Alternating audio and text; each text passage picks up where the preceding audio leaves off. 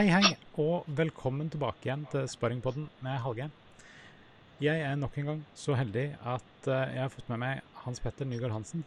Og vi har Vi snakka sammen i, for noen uker siden, men så hadde vi eh, litt flere ting vi eh, hadde lyst til, til å snakke om i forhold til korona og hjemmekontor og ja, egentlig en litt sånn teknologisk eh, utblåsning. Kan vi ikke si noe sånt, Hans Petter? Velkommen skal du være.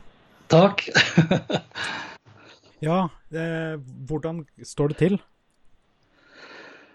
Uh, altså, hvor er det psykologpodden vi skal ha, eller? Ja, det, det, det kald, ja men jeg, jeg, føler teknologisk utblåsning er på en måte et, Ja. et, et godt eh, sted å begynne. Ja, nei, altså, jeg, jeg skal jo ikke sitte her og liksom gråte over uh, min egen situasjon osv. Det står eh, takket være Takket være myndigheter så får jeg økonomien fortsatt til å gå rundt. det gjør jeg. Til Ja. tross for covid-19 og osv. Og, og så er det jo Jeg er jo veldig glad for, når først liksom dette faenskapet skulle dukke opp, da, så er jeg glad for at det skjedde nå som vi går mot vår og sommer. Ja. Eh. Men bare tenk hvis dette hadde skjedd på vinteren på 80-tallet. Ja, ja. ja. Altså, Altså, en, en ting er jo høsten, ja, men tenk om det hadde skjedd før internett uh, osv. ja, da, da er jeg redd for at vi hadde sett uh, altså store mengder av veldig deprimerte mennesker. Ja, men altså, nå er det jo, altså, La oss si at det hadde skjedd da på 80-tallet, så hadde Ja. vi jo ikke sittet der på 80-tallet og sagt at uh, å, hadde vi bare hatt internett, så hadde ikke det vært så ille. Altså, vi vet jo ikke hvordan vi hadde tenkt, for vi hadde, ikke, vi hadde det vi hadde, Ja. og that's it. Ja, jeg husker, jeg, jeg husker at eh, jeg eh, Vi hadde en sånn rød sånn, eh, telefon med firkanta svarte taster og sånt på. Og der fant jeg ut at hvis du trykte stjerne 21 et eller annet når du hadde en samtale, så kunne du ringe noen andre også. Mm. Så vi hadde jo sånn chatrooms på, eh, på telefon eh, på kveldene, helt til eh, mamma og pappa fikk telefonregningen. Eh, men eh, så, så vi hadde jo sikkert klart å løse det på et eller annet vis, på en måte. Ja, altså På 80-tallet så hadde vel noen hadde vel kanskje begynt å få eh, satellitt. Ja. Altså para, parabolantenne. Ja. Eh, vi hadde vel på tidlig 80-tallet fått oss eh, VHS-spiller. Mhm. Eh, jeg tror jeg leste her forleden dag at Betamaxen er 45 år i, i disse dager. Og jeg hadde jo, jeg hadde jo datamaskin, så vi, og jeg hadde til og med spillkonsoll. Jeg husker ikke helt om det var Atari eller om det var en spillkonsoll som faderen hadde mekka, så hvor vi satt da og spilte, spilte pong. Eh, så det hadde vi jo da gjort. ikke sant? Vi hadde nok sittet, jeg hadde sikkert sitt- sittet og programmert mer enn det jeg gjorde, for jeg lagde jo stort sett spillene sjøl. Eller så var det pappa som lagde spill for meg. Og så lærte jeg av hans måte å programmere på. Så vi hadde jo, vi hadde jo klart det. Altså, vi hadde jo ikke sittet der og tenkt liksom Fader, hvorfor har vi ikke Hvorfor har vi ikke Netflix og, og online streaming og Ja, jeg gleder meg til det kommer webinarmuligheter og Ja, jo, jeg ser, jeg ser den. Men du er, du er jo et jeg tror jeg et par år eldre enn meg, så jeg fikk jo eh, Den første datamaskinen jeg hadde, det var en eh, Tiki 100 eh, som var forelda på eh, min mors folkehøyskole.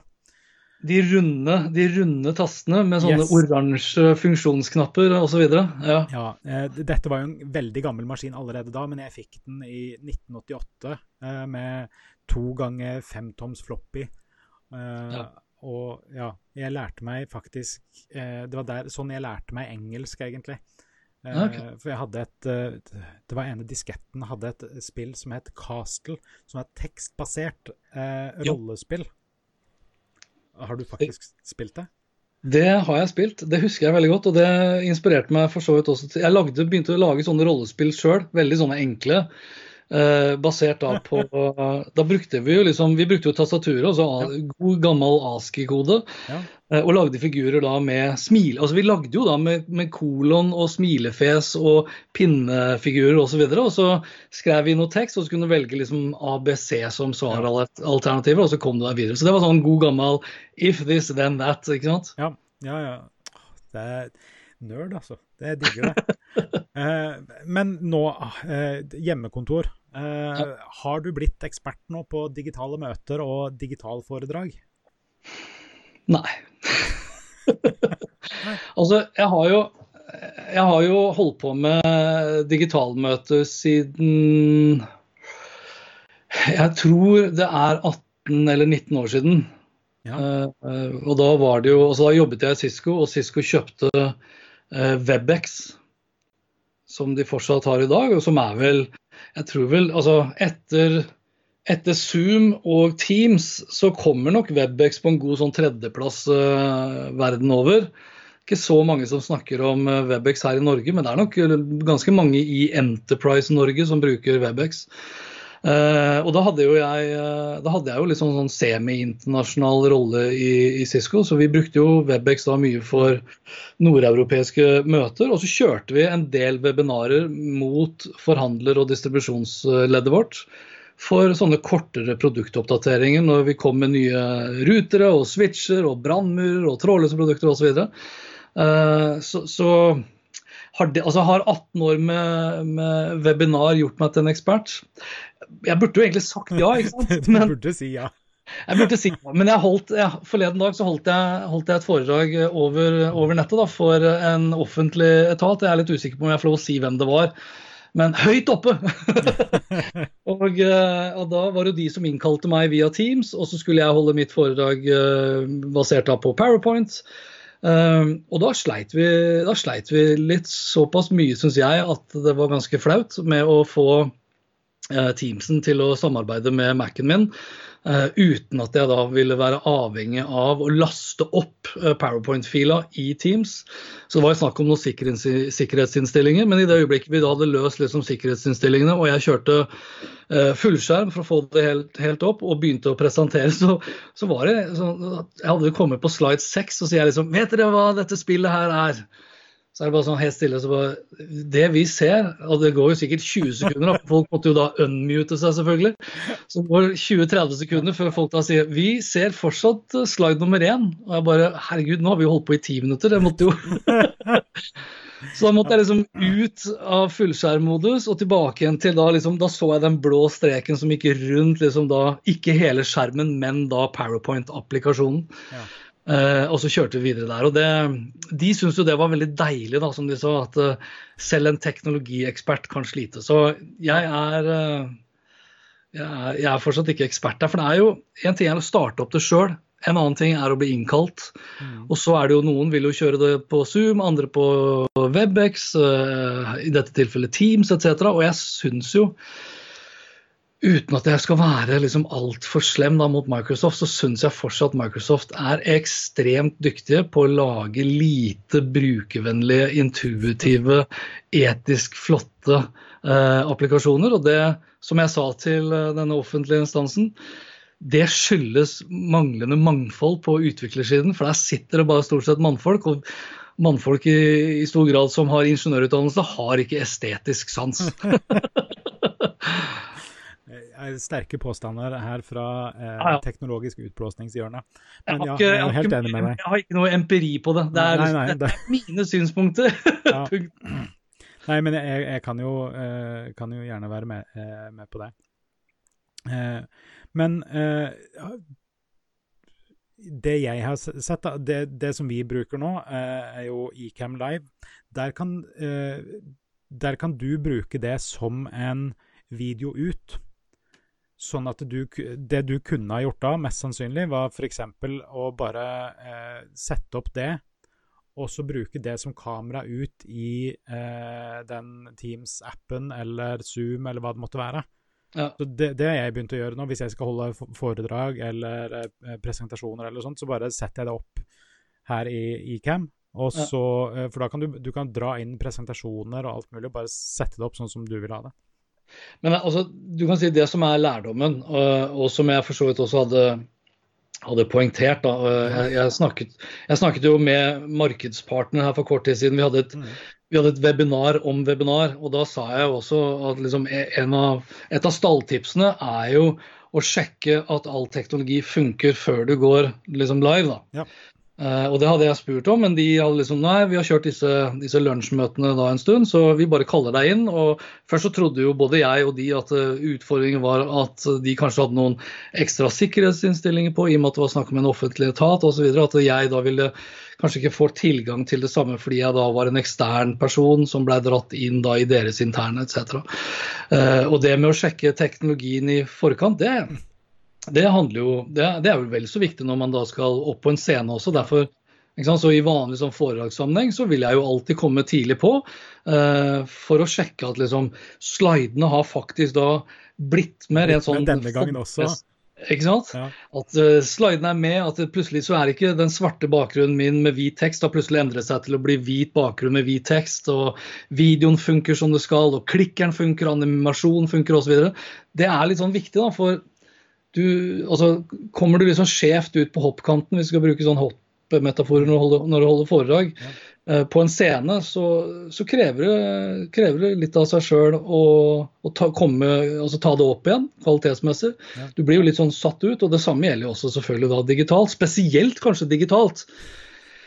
Fordi vi vet jo at uh, oppmerksomheten digitalt, altså det øyeblikket liksom fra det å sitte og stirre inn i en skjerm til du kanskje da begynner å dra opp mobilen, du har, unmute, har muta deg allerede for lenge siden.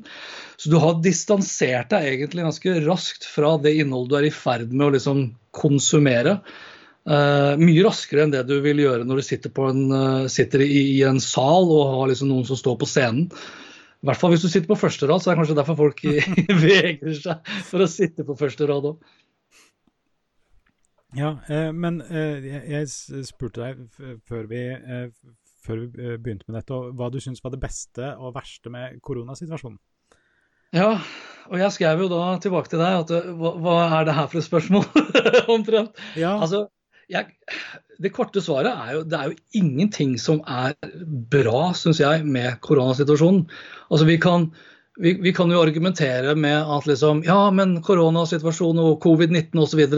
har jo da liksom på rekordtid eh, som da folk vil si, da, digitalisert Norge. Det var nøyaktig det jeg sa sist gang, eh, at det er tvangsdigitalisering. Ja. Eller hyperdigitalisering, ja. hvis vi skal være positivt anlagt. Ja, ja.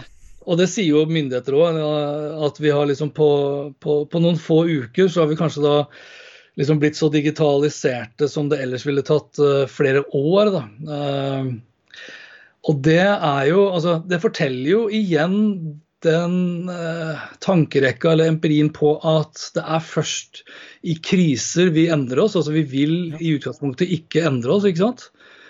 og så blir vi plutselig tvunget til å endre oss. Og så har vi jo husker jeg ikke hvor lenge siden vi har snakket med hverandre, men jeg har jo merket en ganske stor endring fra de første ukene så var det sånn eh, Plutselig så begynte man å kjøre sånn eh, torsdags- eller fredagspils med gode venner som man ellers ikke hadde kanskje noe særlig kontakt med, bare for å snakke sammen.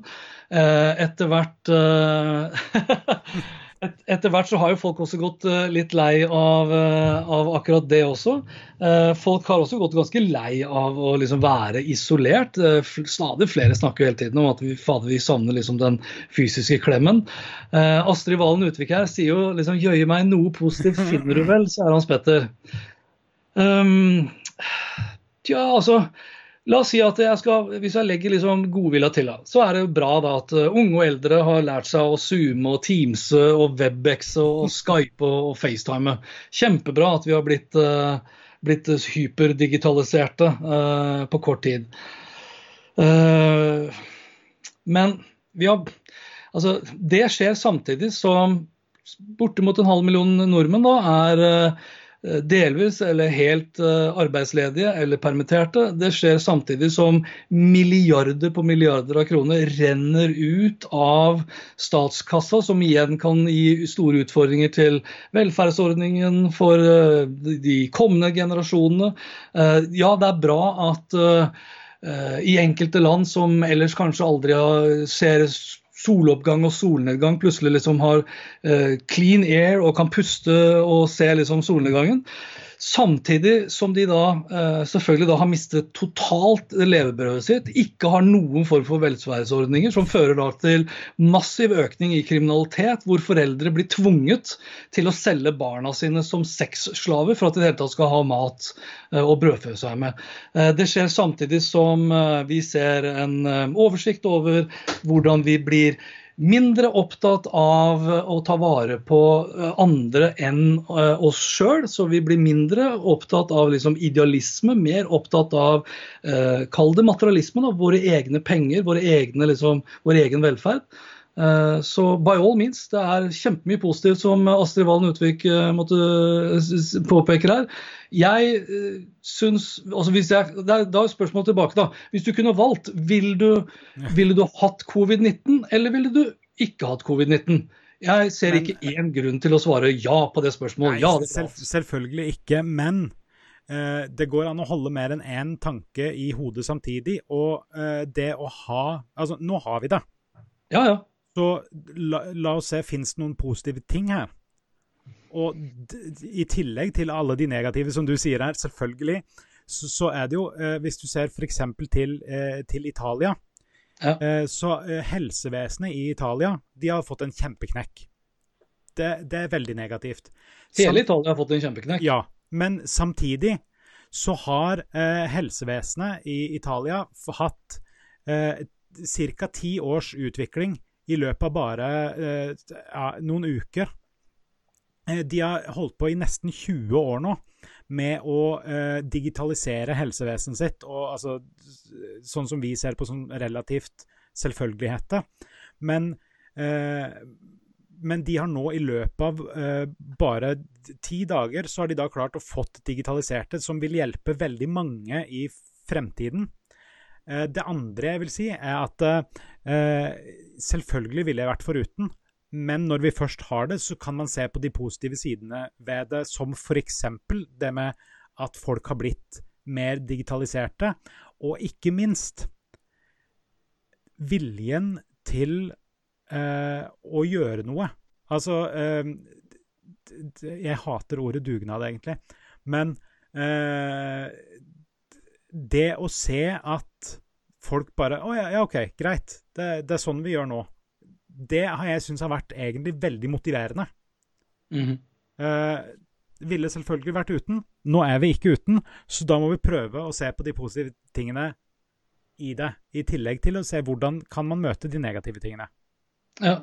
Jo, jo, ja, men jeg, jeg, klarer bare altså, jeg klarer ikke å se noe særlig positivt uansett med det. Uh, punktum. Altså, du nevner Italia. Min bror bor i Italia. Mm -hmm. Bor i Nord-Italia. Jeg, jeg, var i Italia i i februar, i vinterferien. Kom hjem uh, egentlig da rett før uh, Italia begynte å stenge ned. Ja. Når vi snakker om digitalisering der, de holder på å bygge hus. De, altså de har bygd et hus som de skal sånn sett da brødfø seg på ved å leie ut osv. De er vinbønder etc.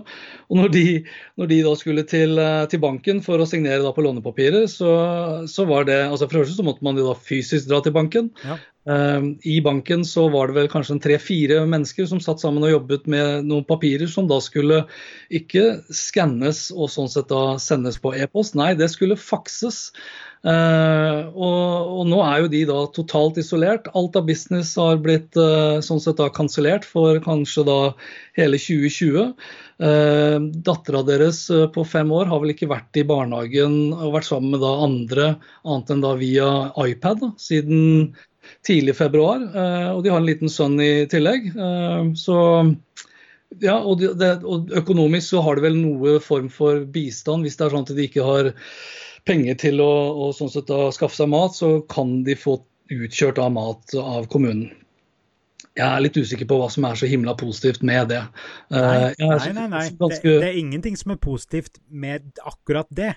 Nei, men Astrid, hadde jo, Astrid Valen Utvik som har kommentert det, hadde jo 50 punkter. Eh, som er Minst 50 punkter som var positivt og bra med, med covid-19. Eh, og her tenker ikke jeg på bare min egen situasjon. Altså, ja, 70% av levebrødet mitt forsvant eh, eh, over natten. Eh, men eh, med de dagpengene som jeg gjerne skulle sett hadde vært konvertert til lønnskompensasjon, slik at jeg Mm. faktisk kunne ha jobbet for å liksom eh, Ja, ja. komme opp med nye tjenester osv.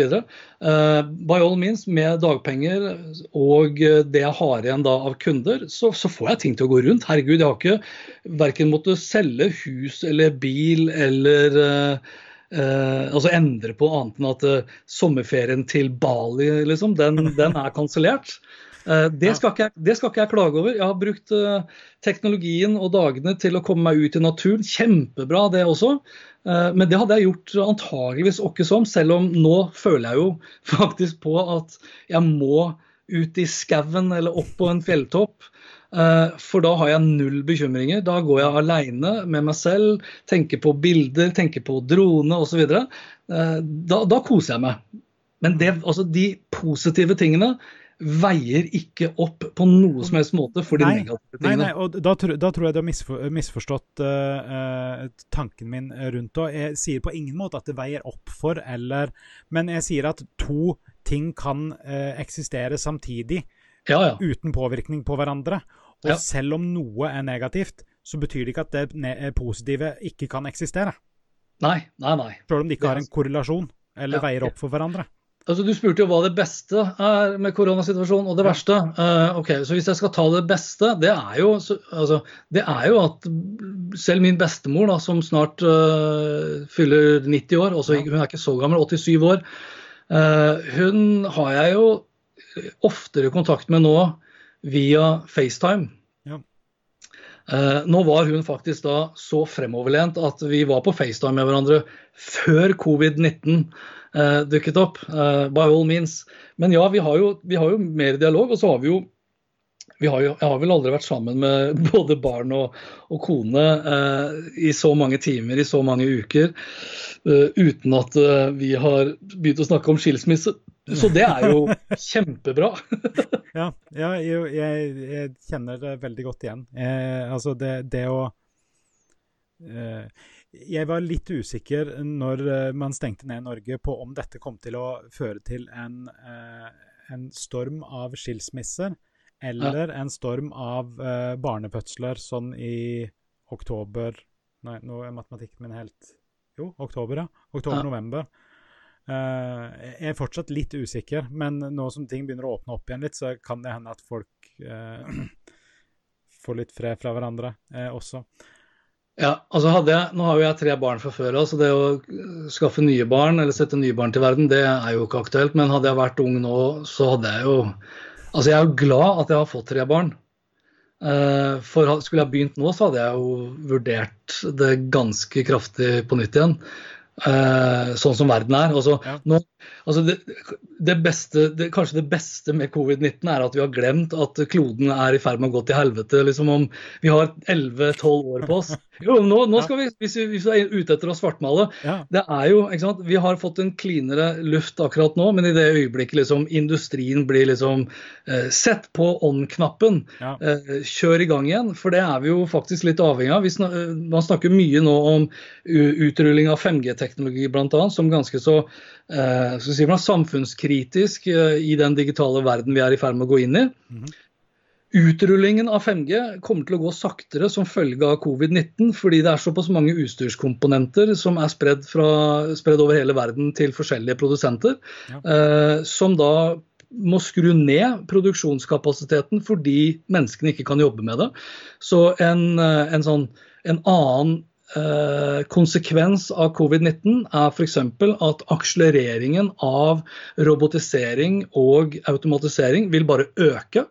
Eh, For, eh, for det vil være eneste måten å sånn sett da få i gang eh, produksjonskapasiteten opp igjen. Samtidig så vil f.eks.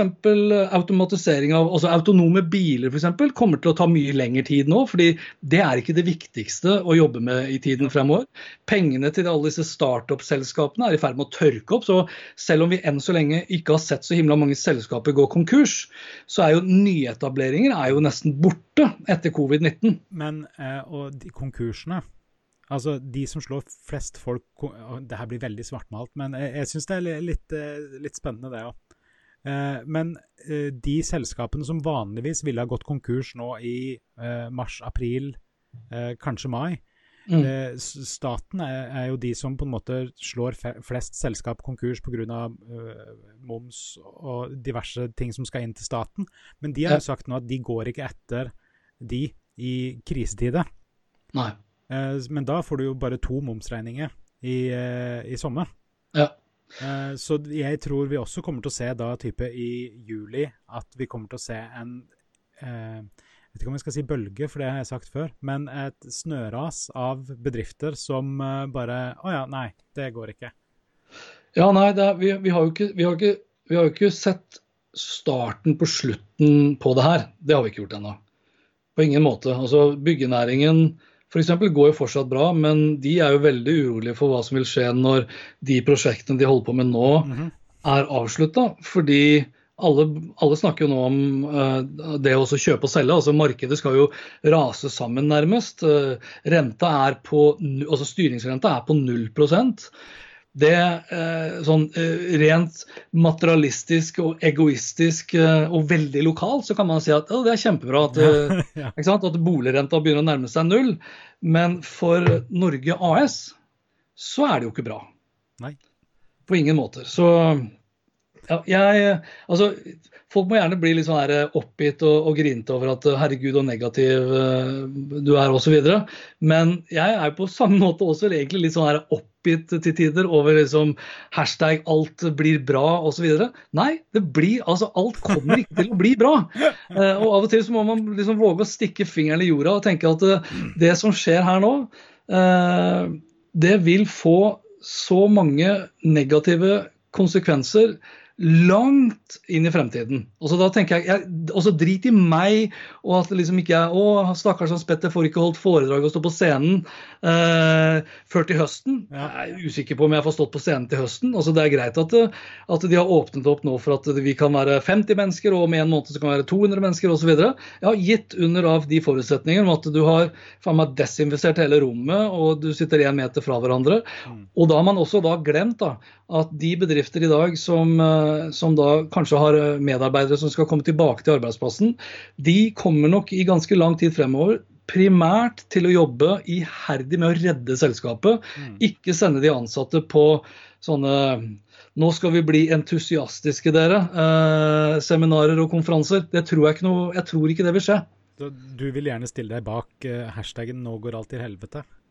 Nei, det vil jeg ikke. fordi alt, går, alt, altså alt, kommer ikke til å gå til helvete, men alt blir ikke bra. Og det er jo, og husk på, det er, Du sa det er lov å ha to tanker i hodet ja. samtidig. Ja, helt enig. Samtidig så er det jo lov å påpeke og være litt tydelig på det som, som kanskje jeg er bekymret for, eller det som jeg syns er kjipt, uten at det skal bli og liksom, Nå er han så jævla negativ, eller nå tenker han bare på seg sjøl osv. Det, er, det er ikke det jeg gjør. Jeg ser jo mennesker rundt meg hele tiden som syns det her er trist. Altså, ta, ta, ta Kristel Alsås, da, en av mine favorittartister. Mhm. Vanvittig bra stemme. Altså, jeg kan jo selvfølgelig bare ta på meg hodetelefoner og skru på Spotify, og så kan jeg høre på henne. Ja, det er en bra opplevelse. Eh, eller jeg kan da tune inn på Facebook på kveldstiden og vippse over 50 spenn for at hun prøver å dra inn noen kroner eh, med dårlig lyd og et dårlig bilde. Det er ikke nærheten av den opplevelsen av å se henne eller andre artister stå på en scene. De følelsene som kommer da. Det er, som man sier kino, altså, film er best på kino. Eh, standup-komikere er best på latter. Og så eh, sier han, så sier han men herregud, se på, se på TEDX, da, hvor bra TEDX-konferanser er ikke du kan se liksom på YouTube. Ja, Men hva er det som har gjort de konferansene til TEDX så jævlig bra på YouTube? Jo, det sitter publikum i salen! så hvis eh, TEDX eh, hadde bare flytta seg til å være liksom en skalle som stirrer midt inn i et kamera hele tiden, og det eneste vi skal ha form av, av liksom kunnskapsoppdatering og mellommenneskelig kommunikasjon, den skal være sånn som vi to holder på nå, er dritkjedelig i lengden. da. Herregud. Men, men ja, jeg, jeg, jeg, jeg, forstår at du uh, uh, jeg, forstår uh, den frustrasjonen over folk som er, er positive, og for så vidt. Men det er et eller annet Jeg husker ikke hvem som sa det til meg, men det, det hjelper heller ikke å bare snakke om hva som er negativt. Man, man, man, må, man, må, på en måte også uh, se OK, de, OK, de negative tingene, de er her. De må vi uh, forholde oss til. Uh, og så må vi gjøre det vi kan. Det er ikke så veldig mye vi kan akkurat nå. Så da må vi se på de positive og se OK, hva kan vi gjøre der? Og jeg ja. tenker, sånn som, sånn som, dette, det å ha prater som dette, det kan være én ting som gjør at uh, altså, min dag blir litt lystigere. Sjøl om det blir også Altså, det, jeg får den her uh, utblåsningen, på en måte. Men dagen i seg sjøl blir lystigere fordi at jeg har hatt en interessant samtale med et interessant menneske. Ja. Ja da. Altså, og du ser jo, jeg sitter jo og smiler altså, jeg, jeg, jeg, sitter jo og smiler over det jeg sier her nå. Så, ja. Men det er bare for at nå er, nå er, jo vi mennesker også skrudd sammen litt forskjellig, da. Uh, jeg, jeg, tar Astrid Valen Utvik igjen, siden hun uh, ja, var den som har dukket opp med kommentarer. Jeg beundrer jo henne fordi hun er så ufattelig positiv. Ja. Jeg beundrer de menneskene som er utrolig positive. Jeg er eh, Altså, min puls er Min puls og min sinnsstemning er nok mer preget av en sånn rollercoaster. Altså For at jeg skal kjenne på det positive, så må jeg også virkelig kjenne på det negative. Så jeg må Altså, jeg er kanskje litt for flink da, i Gåstein til å grave meg ned, kjenne på disse mørke demonene. Eh, prate til meg sjøl inni hodet mitt at uh, fytti helvete, liksom, nå går alt sammen eh, til dundas osv. Og, så og så, så kan det være kanskje da en hyggelig melding fra Astrid Valen Utvik. Eller fra kona mi, eller en god klem fra barna mine, som da plutselig uh, får meg opp igjen da, til å bli liksom da lystig igjen. da. Uh, og jeg har jo ikke gitt opp. altså Det er jo ikke sånn at jeg sitter her nå og tenker at nå skal jeg bare sitte her nede i kjelleren min til, til, jeg råtner, og så får det bare gå som det går. Jeg er jo innstilt på at det her skal jeg også komme, komme meg ut av, men jeg, jeg må sjøl, da. Så må jeg også kjenne på det negative. Ja, ja og eh, jeg forstår uh, tanken rundt det. Jeg er bare eh, helt uenig i den. Eh, ja.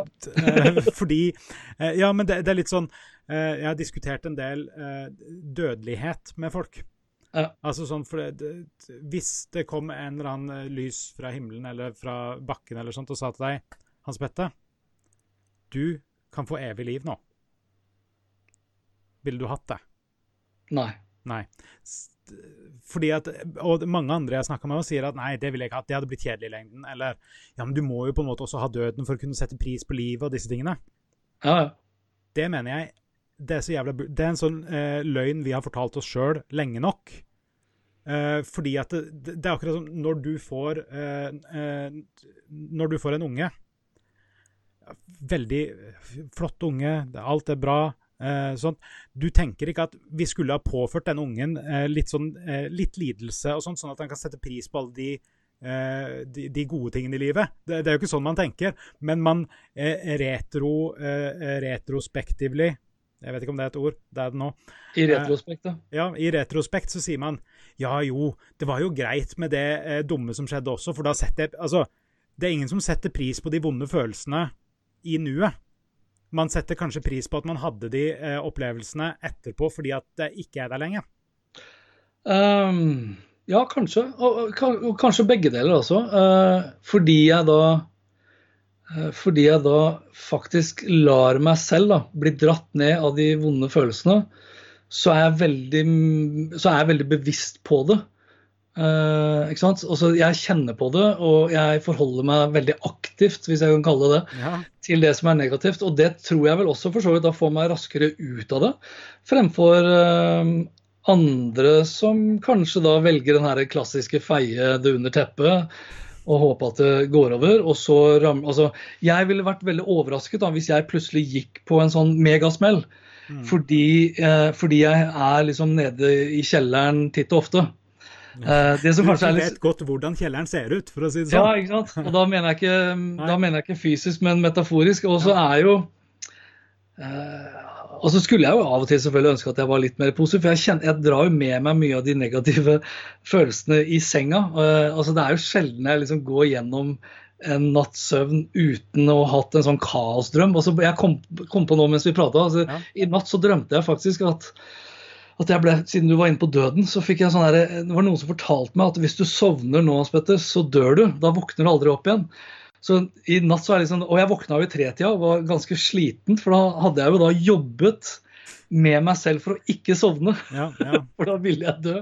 Og det er jo ikke bra eh, å ha det sånn. Er det bare covid, eller er det liksom Det er en god kombinasjon av masse ting, tenker jeg da. Ja. Jeg, jeg tenker at eh, eh, det å eh, klare å distansere seg litt fra egne eh, tanker Altså det å eh, erkjenne at tankene fins, og at de Altså, ja ja, da, da tenker jeg det. Eh, jeg har Ja, jeg har, jeg har vært og sett litt på kjelleren eh, de siste, siste månedene, jeg også. Eh, men men det har jeg på en måte sagt til meg sjøl at det er greit. Jeg kan gjøre det. Så lenge jeg prøver på en måte å, å ha en positiv outlook. Sjøl om jeg vet veldig godt hvordan kjelleren ser ut, og det er ganske behagelig der nede tidvis. Ja. altså, så, så er det på en måte Jeg kan gå ned der og så se, og så kan jeg gå opp igjen. Ja, altså, og det er klart, når du jobber aleine, da Herregud, her snakker vi om sola. vet du, Jeg har jo Google jeg Google uh, Nest Hub uh, bak her, og her dukker det faktisk da opp et bilde av uh, Astrid Valen Utvik og meg selv. Uh, Ja, nå kommer jo da konspirasjonsteoretikerne som sier at dette er eh, Google som har hørt på at du snakka om henne, og så viser ja, ja. I tillegg, ja, i tillegg til at det er 5G-mastene som er covid-bakgrunn. Ja. Men Ja, uff, ja, ikke sant. Don't get me started. Men det, men det jeg skulle si, det er jo at, Ja. eh, det er jo at når, man da, når man da jobber liksom for seg selv, da, Ja. så, så altså Jeg føler jo at det, det på mange måter er en slags styrke det at jeg faktisk da kan snakke også med deg. altså Vi har møttes to ganger fysisk, Ja.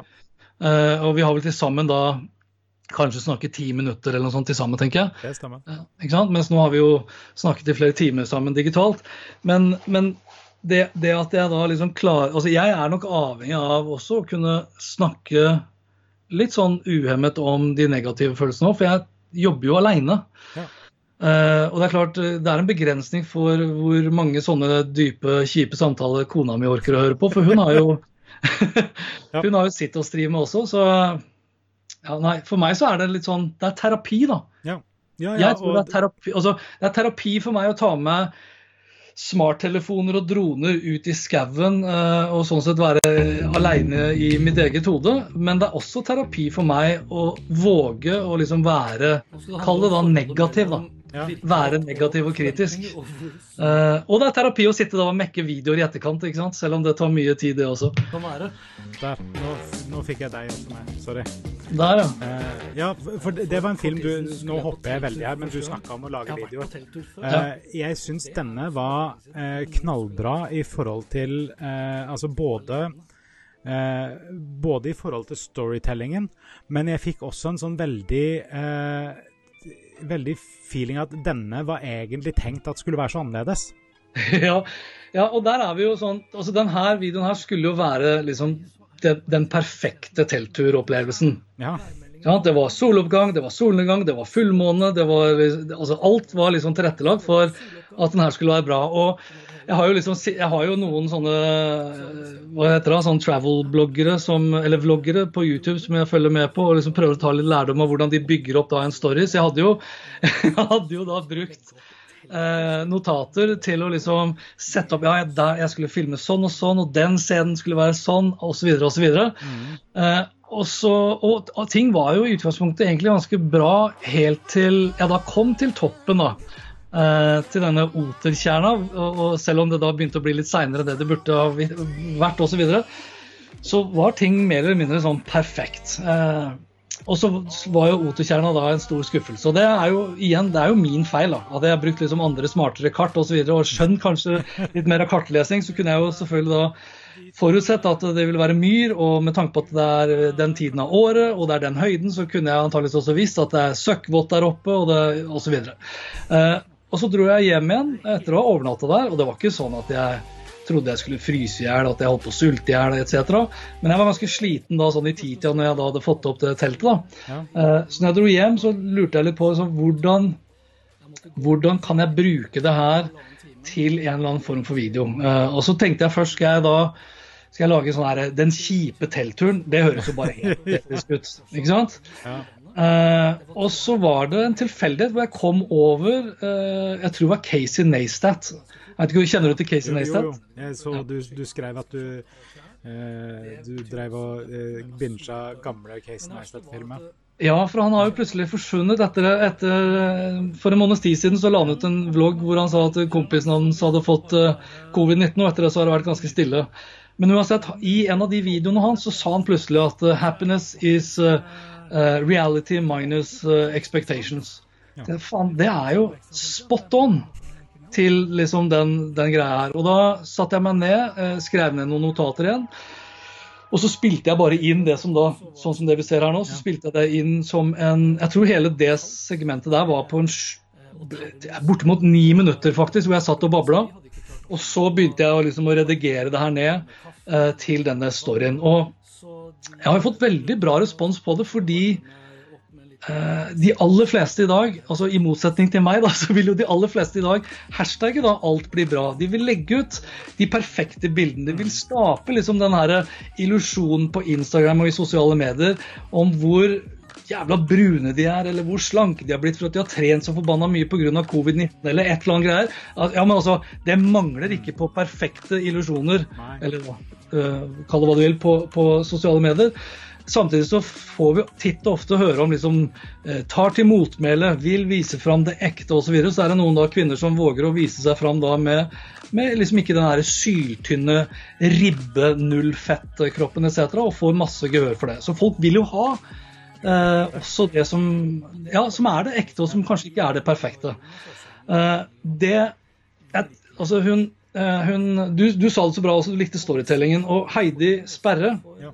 som for øvrig da er en veldig veldig god venninne av eh, Astrid Valen Utvik, de har jo hatt eh, deres podkast eh, sosialt sett. Som by the way, Astrid, jeg savner dere to i øret mitt på søndager. Så shout-out, kom dere tilbake på podkastøret mitt. Uh, hun skrev jo at liksom, er, du, du, er en veldig god story, et eller annet sånt i den duren. Du er en veldig bra storyteller. Og det var jo altså Det er det som har varmet mest. Det at folk har liksom likt videoen, eller noen har sagt 'kom deg på nybegynnerkurs', eller 'herregud, du ser ikke skogen for bare trær', etc. Altså, faller for en amatør du er som ikke har bygd opp, uh, bygd opp et bål, eller 'herregud, du klager'. altså for De ser bare de fem og et halvt minuttene som er den videoen. De ser ikke den jobben som ligger bak. da. Uh, og ja, jeg satte jo en umåtelig stor pris på den naturen. Altså, det er jo derfor jeg syns det er fett å gå ut. Altså, det er balsam for sjelen, og det er balsam for dronen min og det er balsam for smarttelefonene å komme seg ut i naturen. Fordi Norge er et fantastisk fint land. Så om, om covid-19 uh, bidrar til at hele Norge kommer til å se mer av Norge, hipp hipp hurra for det, altså. Ja. For all del. Og da er vi flinke og holder to tanker i hodet. Ja, ikke sant? Så nå var jeg litt, til og med litt sånn positiv her. Ja, ja. Så, ja, så den storytellingen, det er jo det jeg øver mest på. Jeg, og det har jo covid-19 hjulpet meg til å bli flinkere til. da. Jeg syns det er veldig gøy. Jeg synes det er veldig gøy, Og så syns jeg det er veldig krevende. Og så syns jeg fortsatt at det er veldig skummelt å prate til seg sjøl i kamera. Ja. Men hva, hva, på en måte, hva vil du med eh, denne storytellingen og eh, dronekompetansen din, altså, skal du noe med det? Det er hyggelig at du spør om det. Uh, det kan jo uh, Jeg har jo begynt å leke litt med tanken på at kan jeg kanskje etter hvert besitte en kunnskap som kanskje andre er interessert i å kjøpe. Altså, Jeg hadde en video her for kort tid siden fra Tretoppfiddaen. Ja.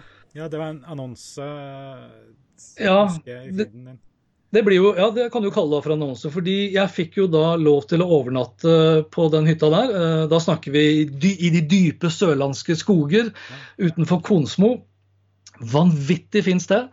Eh, og da fikk jeg som eh, ja, hva heter det, som motytelse for at jeg da filmet og dronet og alt mulig, så fikk jeg lov å overnatte der en natt, pluss litt ekstra. Og det har ført til at jeg har altså Den videoen der, eh, som er rein sånn stemningsfull video, stemningsfull musikk. Det er ikke jeg som flyr inn i kamera osv. Men i alle fall, den har jo ført da, til et par andre oppdrag. Eh, ikke nå før etter sommeren. Men jeg er også i dialog med et par andre som kan tenkes da å, leie meg inn da for å lage litt sånn ekte videoer. Som uh, i noen tilfeller hvor jeg er en del av uh, storytellingen. I andre tilfeller hvor det er liksom bare hytta eller naturen eller dyr eller hva det måtte være. da. Mm. det blir jo litt opp til dem, samt i tillegg til at jeg jeg kommer nok til å være ganske streng da på egen regi. Det skal være liksom mitt. Eh, det skal føles mitt, det skal være mitt, det skal være liksom min, min, eh, mitt avtrykk. Eh, men om det kan bli da en Om det kan bli et produkt da, som kan supplere noe av inntektsbortfallet, så hadde jo det vært hyggelig. Altså, jeg får jo da opplevelser på toppen av det hele. Ja, ja, ja. Det, det, det, kan ikke være hele betalingen, men det, det kan nok være en del av betalingen, for å si det sånn. Ja, ja. Altså, det ville jo gledet meg om jeg kunne gått ned i andel dagpenger, altså andelen jeg er permittert, ja. og opp i faste inntekter. Ikke bare fordi at det vil faktisk da utgjøre en stor fordel på lommeboka, men jeg syns jo ikke det er noe hyggelig å leve av staten. Jeg har jo aldri gjort det før.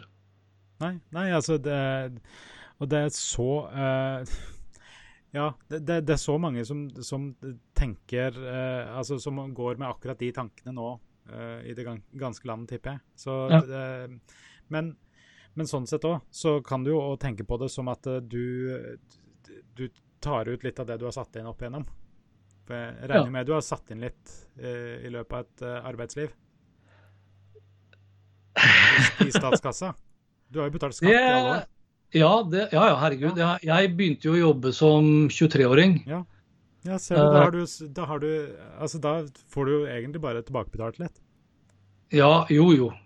Altså, ja, eh, jeg holdt på å si det er jo en trøst at det er så mange andre som er i samme situasjon, så det er jo ingen grunn til å føle på noe skam. Nei. Eh, og heldigvis for det. Jeg føler ikke på noe skam overhodet. Og etter at jeg også begynte for meg selv, så jeg oppretta jo da ikke et enkeltmannsforetak, men et AS fra dag én. Eh, blant annet, fordi, ja, blant annet, fordi, jeg begynner å komme litt sånn opp i åra, og jeg har et hus og, og, familie, og jeg kan bli syk og etc. Så jeg har jo betalt full arbeidsgiveravgift. Jeg har jo maksa liksom det jeg kan på pensjonssparing. Jeg har satt av penger i egne fond osv. Så, videre, og så, videre. så jeg, jeg, jeg, klager ikke økonomisk. Det er ikke derfor jeg sier at covid-19 er et forbanna dritvirus, liksom.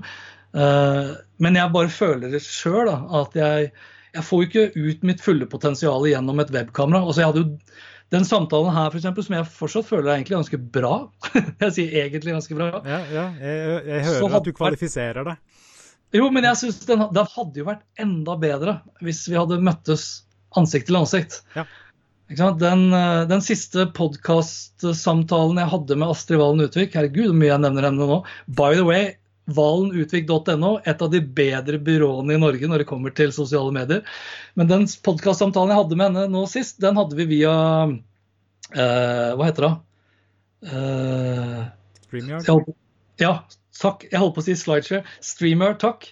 Uh, og den var jo ikke i nærheten av den samtalen vi hadde før det, som igjen da var det bildet som kom opp her på min Google Nest Hub, hvor, da, hvor jeg da møtte henne nede på Uma, hvor de har kontorer. Mm.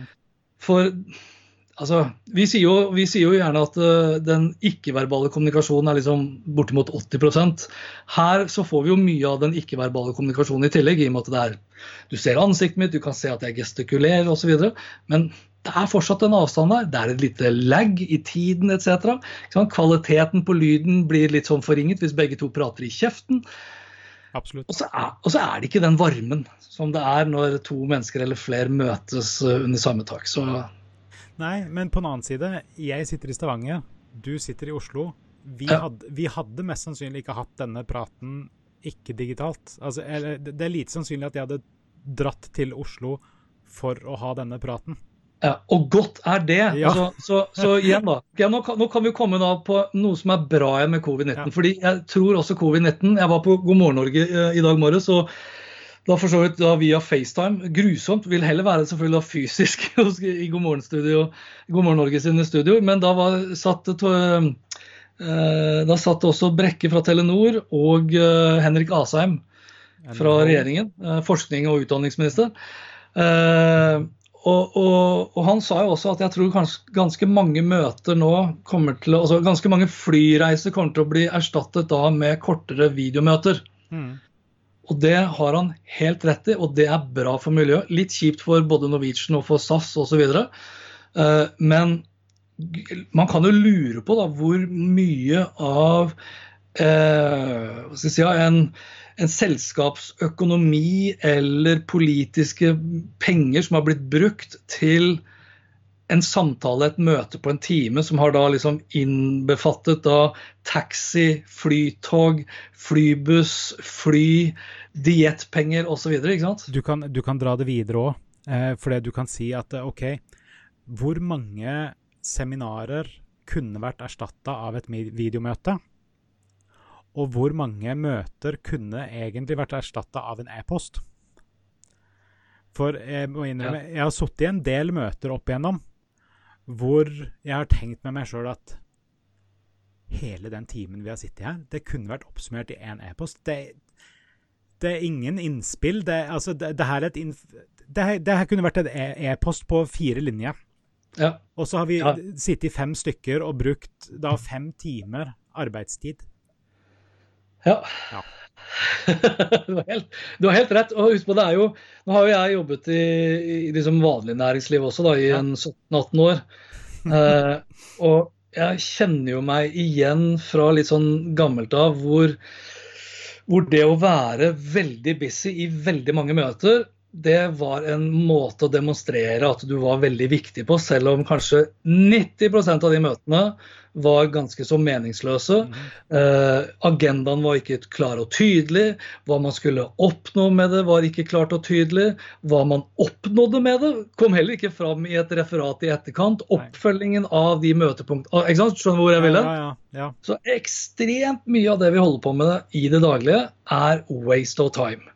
Om vi da flytter en del av de møtene, jeg sier ikke alle, men hvis vi da kan flytte en del av de møtene over til digitale møter, mm. så vil jo det også disiplinere oss i mye større grad. Vi vil ikke akseptere like mye at du og jeg sitter ti minutter rundt et bord og venter på at det tredje, og fjerde og femtemann skal komme. Nei. Når femtemann kommer, så er han fortsatt i telefon etc. etc. Du har booket en slott i en Webex-samtale eller hva det måtte være. Mm. Du, du holder kanskje konsentrasjonen oppe i en halvtime, så, liksom, så bør man egentlig bryte av. Så hvis du kan redusere antall møter og redusere tiden på de møtene, og samtidig spisse mye større grad hva formålet med møtet er, ja. så har du jo faen meg lagt ekstremt mye til rette for økt produktivitet, økt effektivitet, bedre topplinje, bedre bunnlinje osv. Jeg har innført eh, noe som jeg kaller for Vekora-timen. Eh, altså, de, de selskapet som jeg driver, så har, har, jeg sagt det. Fordi ofte så er det sånn at eh, jeg har møter som begynner hel, og så slutter det hel. Mm. Men da begynner kanskje neste møte med en gang. Ja. Eh, så da blir jeg sittende igjen på slutten av dagen, og så har jeg en masse ting jeg skulle ha gjort. Så jeg har prøvd å innføre, med mer eller mindre hell, at alle timer varer 40 pluss 20. Sånn at hvis, hvis, jeg skal avtale et møte med en kunde eller med et eller annet sånt, så setter jeg av 40 minutter. Og så pluss 20, som jeg kan da bruke på etterarbeid til det vi blir enige om i møtet. Ja, eller, eller til, som buffer, for den saks skyld òg. Ja, der har du jo ja. Der har du hun godeste Cecilie Tunem Sonum, som er liksom Norges uh, ukronede tids, uh, hva skal vi kalle det, tidsekspert. da. Ja som, er, som, som ja, jeg holdt på å si flyr øh, landet rundt for å holde foredrag om nettopp dette med tid, men det gjør hun kanskje ikke i like stor grad nå. Men hun også er veldig opptatt av det å sette inn sånne timeslots, ja. slik at du har noe å gå på. For det er en del, øh, uten at jeg kikker altfor mye opp i øh, første etasje her nå, hvor min kone jobber, det er noen som er veldig flinke til å komme for seint. Alltid. Fordi de, de timer ikke liksom det, det kan jo være at det møtet går litt over tida. Ja. Det kan være at ikke du rakk akkurat den T-banen, og plutselig så har du et kvarter du må vente før neste T-bane går, i den grad man tar T-bane i disse koronatider. Men ja, det er viktig for eh, jeg tror det er viktig for pulsen din også. da, ja. At du gir deg tid til å roe ting ned. Ja, men, men også roe ned og buffer og sånt. Ja, men som oftest i et møte, hvis møtet er vellykka, så mener jeg da, da har man noen ting som skal gjøres etterpå, eller i hvert fall ja. legges inn i en kalender, gis beskjed om til noe. Altså, det er som oftest en masse arbeid som må igangsettes eller noteres inn et sted. Ja. Og hvis møtene går uh, rygg, rygg, i rygg, vegg i vegg, vet Ja, ikke. back to back. Back to back. så, så, så får du jo ikke tid. Nei. Nei, og da blir det jo til at du må ta det på kveldstid, da. Ja. Når du da egentlig skal være sammen med din bedre halvdel og eventuelle barn osv. Så og da har du kanskje glemt 70% av det viktigste som kom fram i det forbaska møtet. Eller 90. Ja, ikke sant? Nei, men uh, jeg, jeg, jeg følte at vi, vi, vi på en måte vi var, vi var litt nede i kjelleren. Jeg? har- nei, jeg, jeg er med deg i kjelleren, altså. Okay. ok. Eh, men jeg føler at vi hadde en reise, og at vi kom opp av kjelleren nå mot slutten i hvert fall. At uh, gjerne fant noen, noen positive holdepunkter. Det er Ja. Vi, vi må, vi må Altså, det, det, det her, Jeg visste jo litt av hvordan jeg ønsket Kall det regien på den samtalen vår skulle være. Mm -hmm. uh, for det blir jo uh, Altså, jeg har jo hatt medarbeideransvar uh, i min tid i Cisco bl.a., hvor jeg for så vidt har vært gjennom dotcom-boblen og Y2K og finanskrise osv., hvilket betød at jeg måtte si opp mennesker. Eh, om jeg da måtte si opp mennesker eller ha medarbeidersamtaler, som jeg ofte hadde, i Cisco hadde vi for så vidt da medarbeidersamtaler hvert kvartal, så var det ekstremt viktig å ta det negative først, Ja. og så det positive til slutt. Ja. Ja. men sånn er det jo. Ja, ja. ikke?